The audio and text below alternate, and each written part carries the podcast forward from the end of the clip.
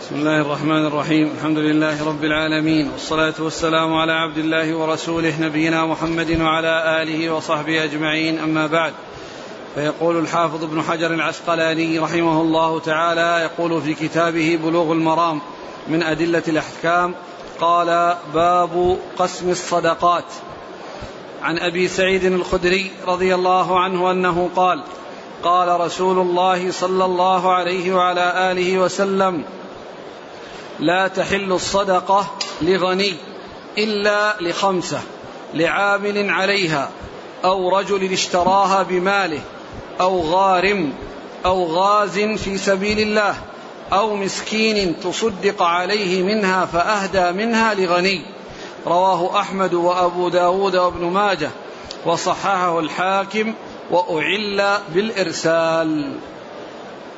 بسم الله الرحمن الرحيم.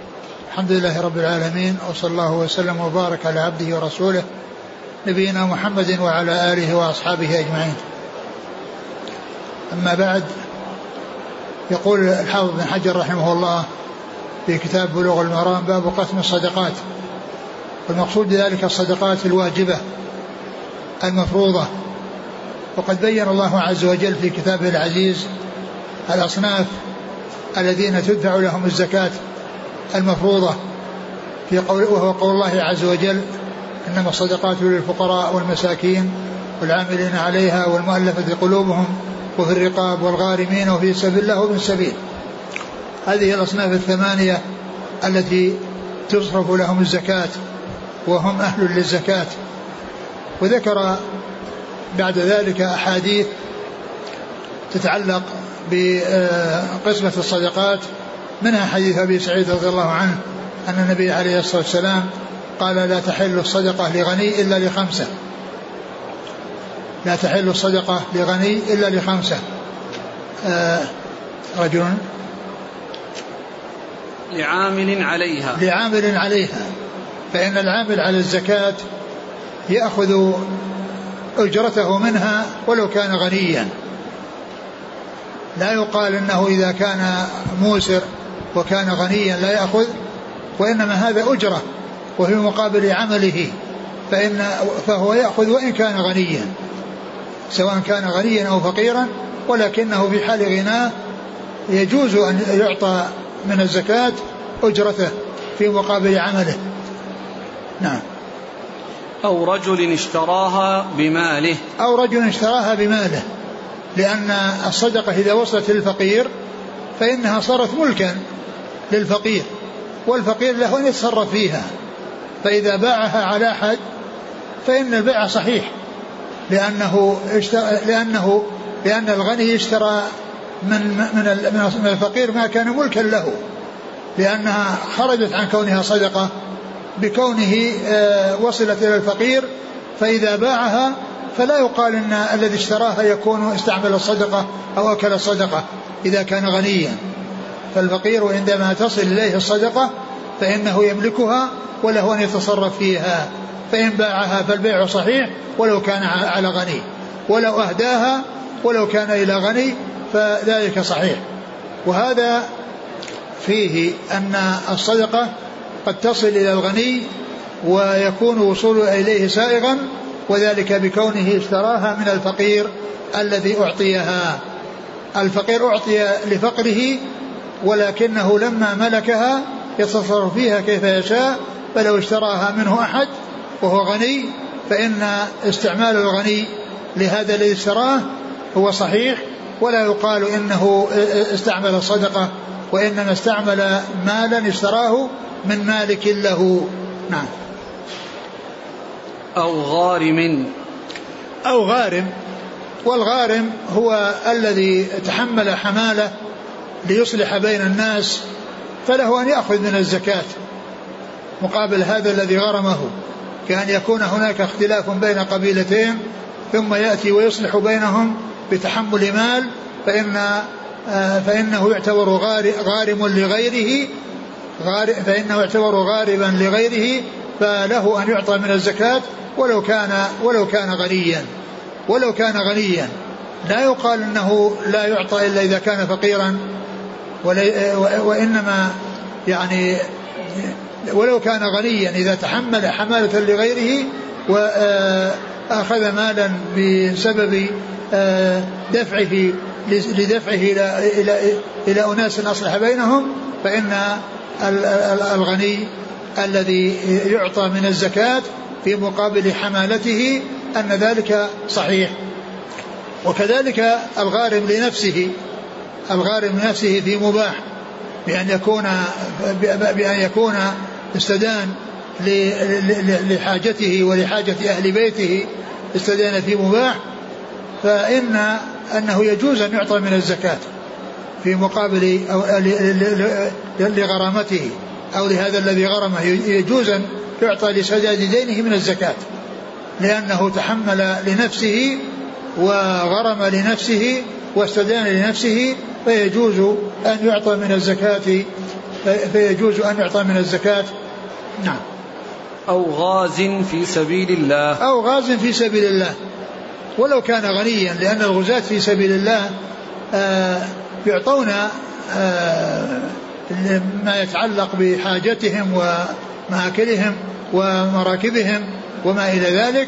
ولو كان ولو كان غنيا. ولو كان غنيا فإن الجهاد في سبيل الله يعطى المجاهد يعطى يعطى منه مجاهدون سواء كانوا أغنياء أو فقراء. فتحل صدقة في هذه الحالة للمجاهدين في سبيل الله ولو كانوا أغنياء. نعم.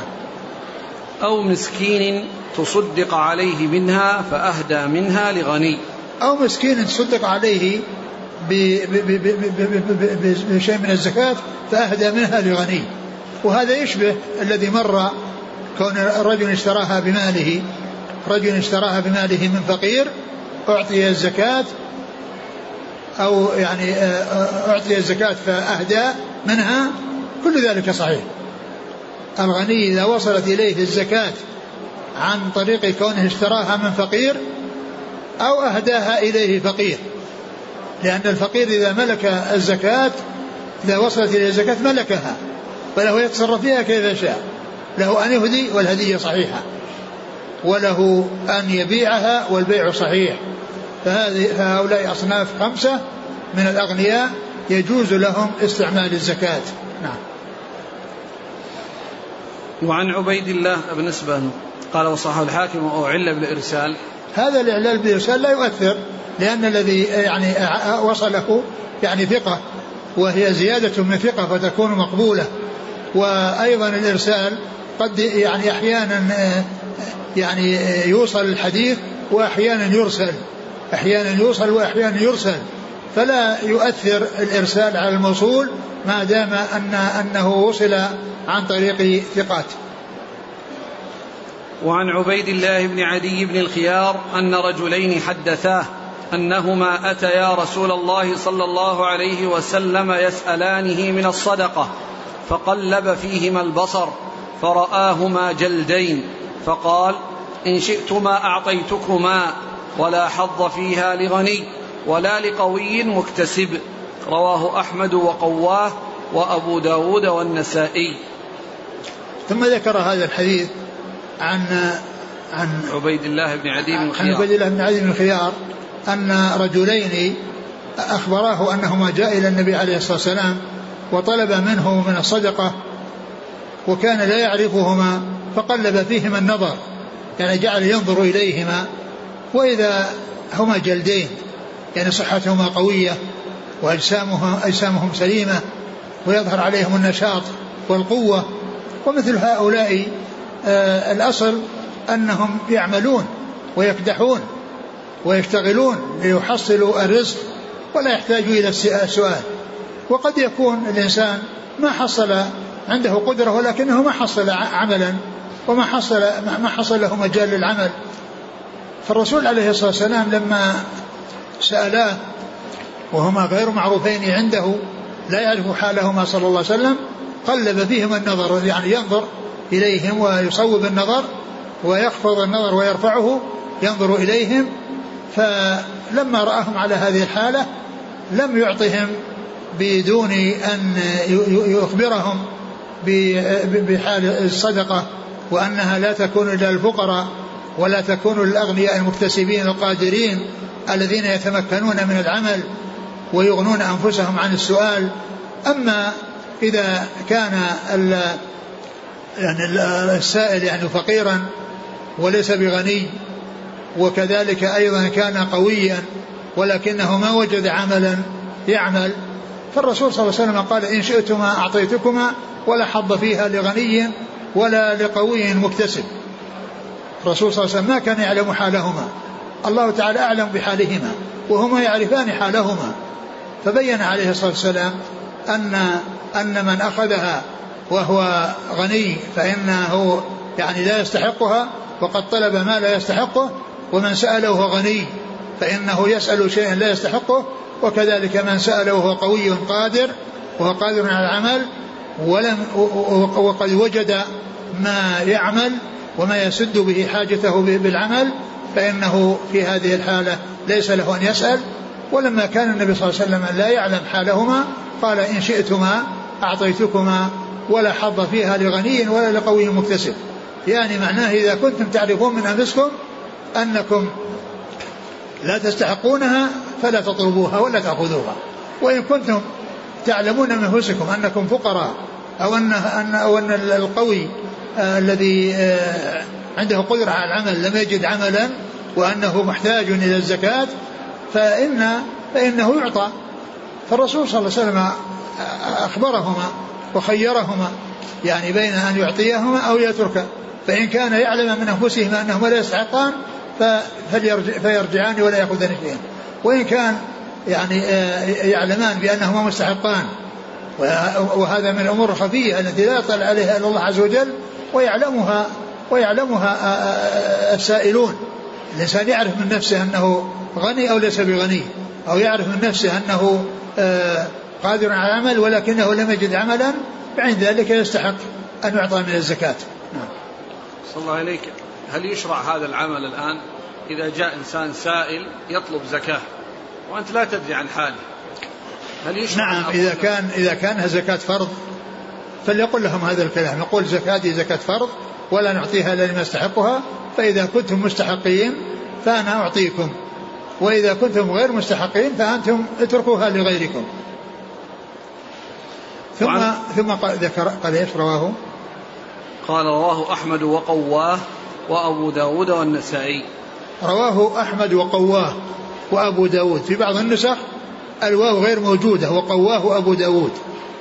ولا بد من وجودها لأن الذي قوى الحديث هو الإمام أحمد. وأما أبو داود فقد رواه ولم يتكلم عليه بشيء. وإنما الذي قواه الضمير يرجع إلى الإمام إلى الإمام أحمد الذي تقدم.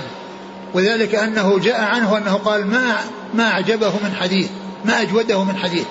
قال ما أجوده من حديث هذا هو معنى قوله قواه.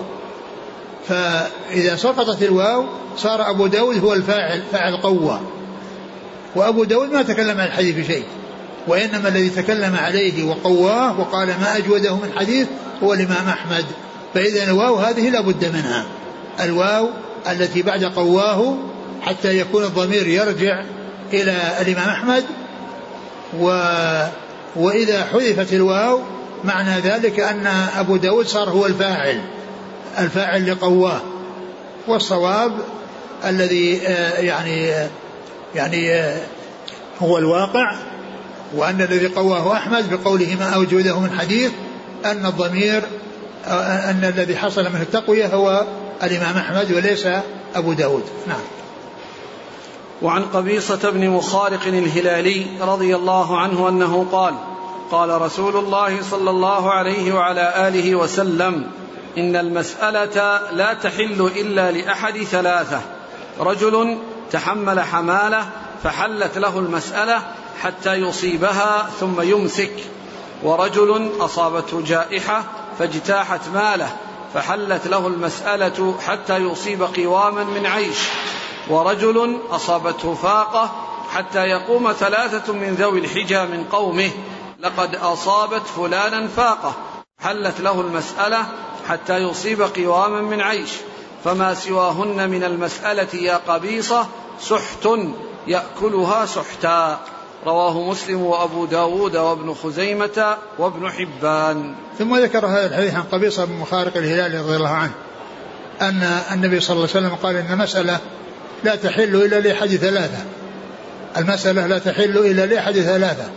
المسألة مذمومة والسؤال مذموم ولا يصلح أن يقدم عليه أحد إلا وهو محتاج إليه. وقد بين النبي صلى الله عليه وسلم في هذا الحديث الذين يحل لهم مسألة وأولهم الرجل يتحمل حمالة الذي تحمل حمالة يعني عن غيره أو تحمل حمالة له فإنه تحل له. يعني هذا الذي آه، يعني يعني هذا الذي تحمله والذي لزمه يحل له ولو كان غنيا كما سبق أن عرفنا وأن ذلك أن أن الغني نفسه يعني له أن يعطى من الزكاة في مقابل تحمله سواء كان تحمله لغيره أو تحمله لنفسه تحمله لغيره أو تحمله لنفسه. فهذا تحل له الصدقة ولو كان غنيا. الثاني أو رجل أصابت أصابته جائحة أصابت ماله جائحة فإنه يعطى يعني ما يقيم به نفسه لأنه يعتبر مثل الفقير. والذي أصابته جائحة كان يكون مثلا عنده آه، زرع فأصابه برد نزل عليه برد فحته فلم يستفد منه أو يعني آه، آه، أو حصل يعني جراد يعني أكل الثمر أو أو يعني شيء أو أكل الزرع أو يعني أي جائحة يكون بها يعني ذهاب المال على صاحبه فإن له أن يعطى ما يقيم به نفسه ويعني يسد به فاقته وحاجته. والثالث رجل أصابته فاقة. يعني أصابته فاقة يعني كان يعني آه كان عنده مال ومعروف عنده مال ثم أصابه فاقة بأن حصل يعني آه آه إفلاسه وعدم يعني شيء عنده يقيته نفسه فإنه يحل له ما يسد به فاقته وما يقوم بأوده وعوزه. نعم. حتى يقوم ثلاثة من ذوي الحجة وهذا أيضا هذا الذي الذي الذي هو الثالث حتى يقوم ثلاثة من أهل الحجة يعني من أهل العقول وأصحاب الفهم. يعني ليسوا من المغفلين الذين لا لا يدركون ولا يعني يكون لهم خبرة ومعرفة بأحوال الناس. قيده بأهل الحجاء يعني أهل العقول والحجاء هو العقل. يعني الحجة هو العقل يعني ثلاثة يشهدون على أن فلانا أصابته فاقة. وأنه كان يعني عنده غنى وذهب ماله أو أفلس وهو بحاجة إلى, إلى, إلى, إلى الإحسان وإلى الصدقة فإنه آه، يحل تحل له المسألة في ذلك تحل له المسألة والحالة هذه. وما سوى ذلك فهو سحت. يعني سحت يأكله الإنسان وهو لا يستحقه. يعني سحت يسحت ماله ويذهب البركة ويذهب بالبركة فيكون يعني الذي يحصله لا يستفيد منه ويكون مثل الذي يأكل ولا يشبع. نعم. حتى يصيب قواما من عيش. نعم. قواما من عيش يعني ما يقيم به نفسه. مثل الفقراء الذين يعطون الزكاة ما يعني يكون به قوامهم لمدة سنة. وعن عبد المطلب بن ربيعة بن الحارث رضي الله عنه أنه قال قال رسول الله صلى الله عليه وعلى آله وسلم إن الصدقة لا تنبغي لآل محمد إنما هي أوساخ الناس. وفي رواية وإنها لا تحل لمحمد ولا لآل محمد. رواه مسلم. الحديث الذي مر هو يعني ألصق بالمسألة يعني بالسؤال. وقد مر في الباب الذي قبله أحاديث تتعلق بالسؤال. وذم السؤال. ويعني وهنا يعني فيه ذكر المسألة فهو ألصق بالأحاديث التي تقدمت و يعني وليس فيه وضوح من ناحية الزكاة أو أنه, أنه يتعلق سؤال من الزكاة ولكنه يمكن أن يكون يعني ذلك يعني سأل من الزكاة وأن هذا السؤال من الزكاة. وهذا الحديث الذي ذكره عن عبد المطلب بن ربيعة بن الحارث بن عبد المطلب أن النبي عليه الصلاة والسلام قال إن الصدقة لا تحل لمحمد ولا ولا لآل محمد. قال إن قال إن الصدقة لا تحل. إن الصدقة لا تنبغي لآل محمد. لا تنبغي وفي بعض الروايات لا تحل لمحمد ولا لآل محمد إنما هي أوساخ الناس. يعني وهذا والمقصود به أوساخ الناس يعني أنها من الأشياء التي آه، يعني يطهر الناس بها أموالهم يطهر الناس بها أموالهم ف يعني آل محمد صلى الله عليه وسلم وآله لا تحل لهم ولا ينبغي أن يأخذوها ولا ينبغي لهم أن يستعملوها. وقد جاء أحاديث يعني تدل على ذلك يعني في ما يتعلق مثل مثل الرسول صلى الله عليه وسلم لقى ثمرة قالوا لا, لا أن تكون صدقة لأكلتها وكذلك الحسن رأى تمرة فأكلها فجعل يقول كخ كخ يعني أنها يخشى أن تكون من الصدقة. فقال إن الصدقة لا تحل لمحمد ولا لآل محمد وآل محمد هم بنو هاشم يعني هم بنو هاشم وهاشم بن عبد مناف هاشم ابن عبد مناف آه، يعني نسله أو آه، يعني نسله انحصر في في أولاد ابنه عبد المطلب. لأنه لا نسل له من غير طريق ابنه عبد المطلب. وعبد المطلب أولاده يعني عدد يعني هم الحارث و آه، والعباس وحمزة وأبو طالب وأبو لهب والزبير. هؤلاء ستة أولاد عبد المطلب. والذين صار لهم نسل الذين صار لهم نسل هم أربعة وهم أبو طالب وأبو لهب و... والعباس و... والعباس والحارث. أما حمزة وكذلك الزبير فهؤلاء لم يخلفوا لم يكن لهم نسل. و والزبير هو الذي ابنته ضباعة بنت الزبير التي قالت إنها تريد الحج وهي شاكية. قال حجي واشترطي. أن محلي حيث حبستني فإن هذه ابنة عم الرسول صلى الله عليه وسلم التي هي ضباعه بنت بنت الزبير ابن عبد المطلب. بنت الزبير بن عبد المطلب. وعلى هذا فأهل البيت هم زوجات الرسول صلى الله عليه وسلم وذريته صلى الله عليه وسلم وكل مسلم ومسلمة من نسل عبد المطلب.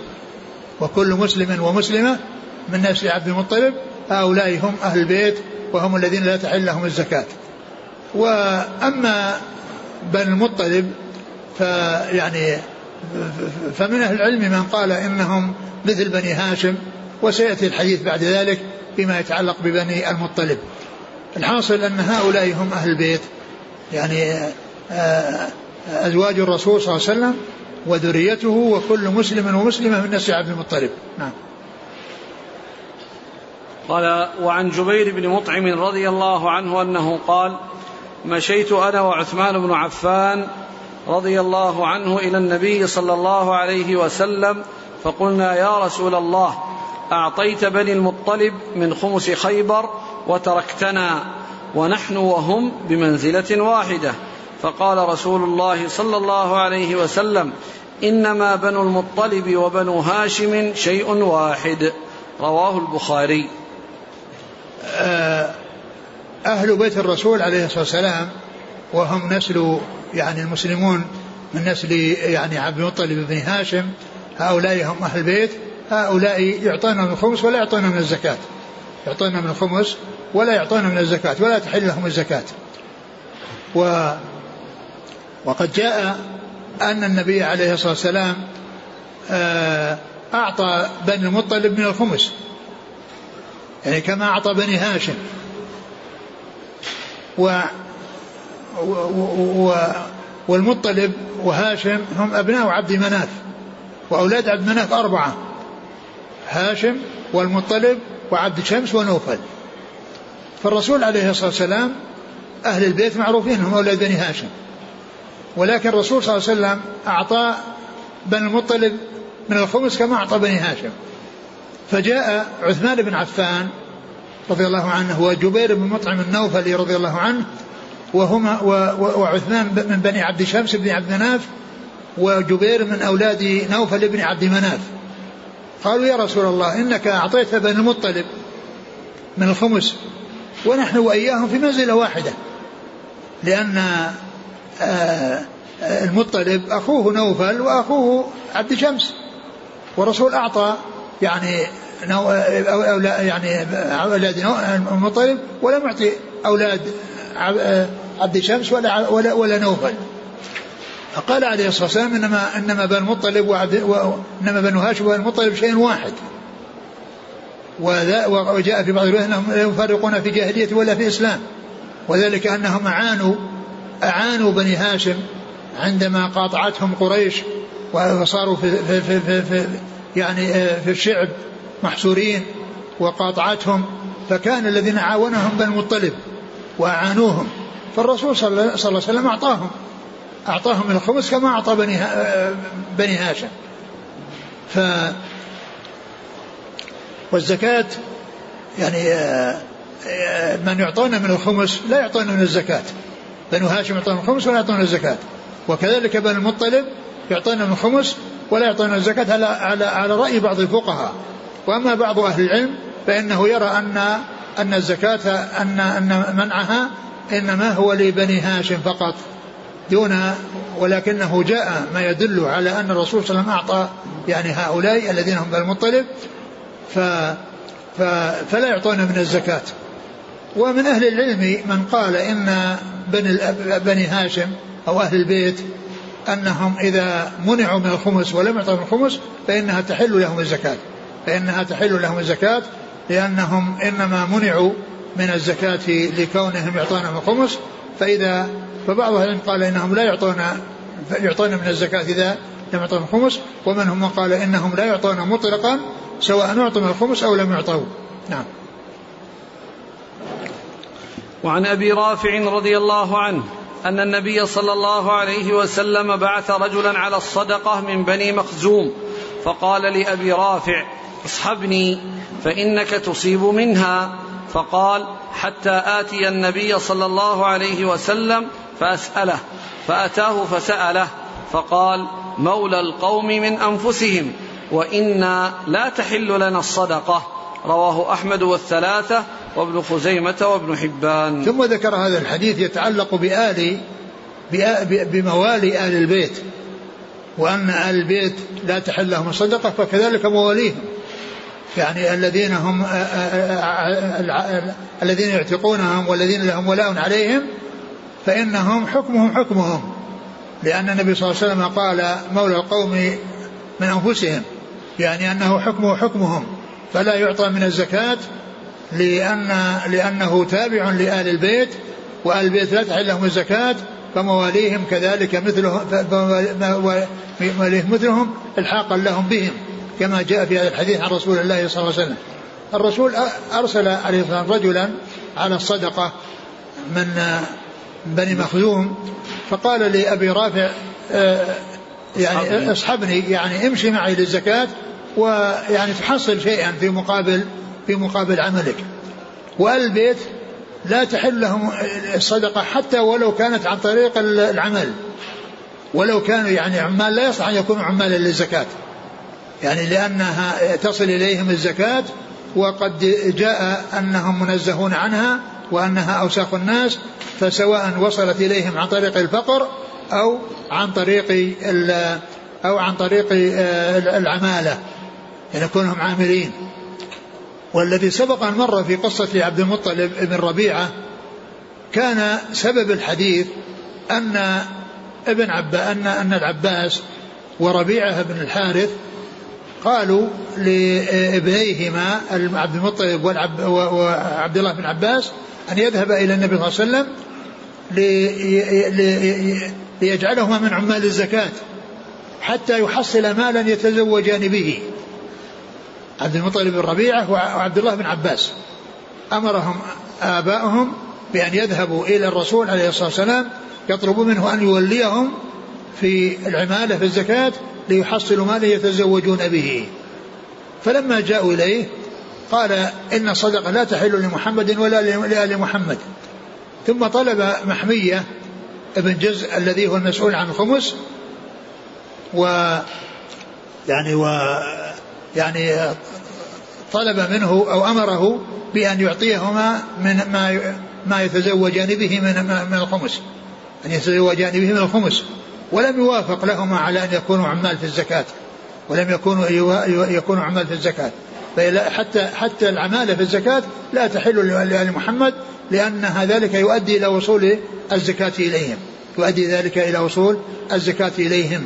فأمر محمية بن جزء أن يصدقهما من من الخمس أن يصدقهما الخمس ولم يوافق على فكذلك هنا بالنسبة بالنسبة للموالي الرسول عليه الصلاة والسلام لما يعني جاءه مولاه يستأذنه بأن يذهب مع هذا المخزومي الذي هو عامل على الصدقة ليصيب شيئا من من من المال عن طريق العمالة قال إن إن مولى القوم من أنفسهم وإن الصدقة لا تحل لمحمد ولا لآل محمد.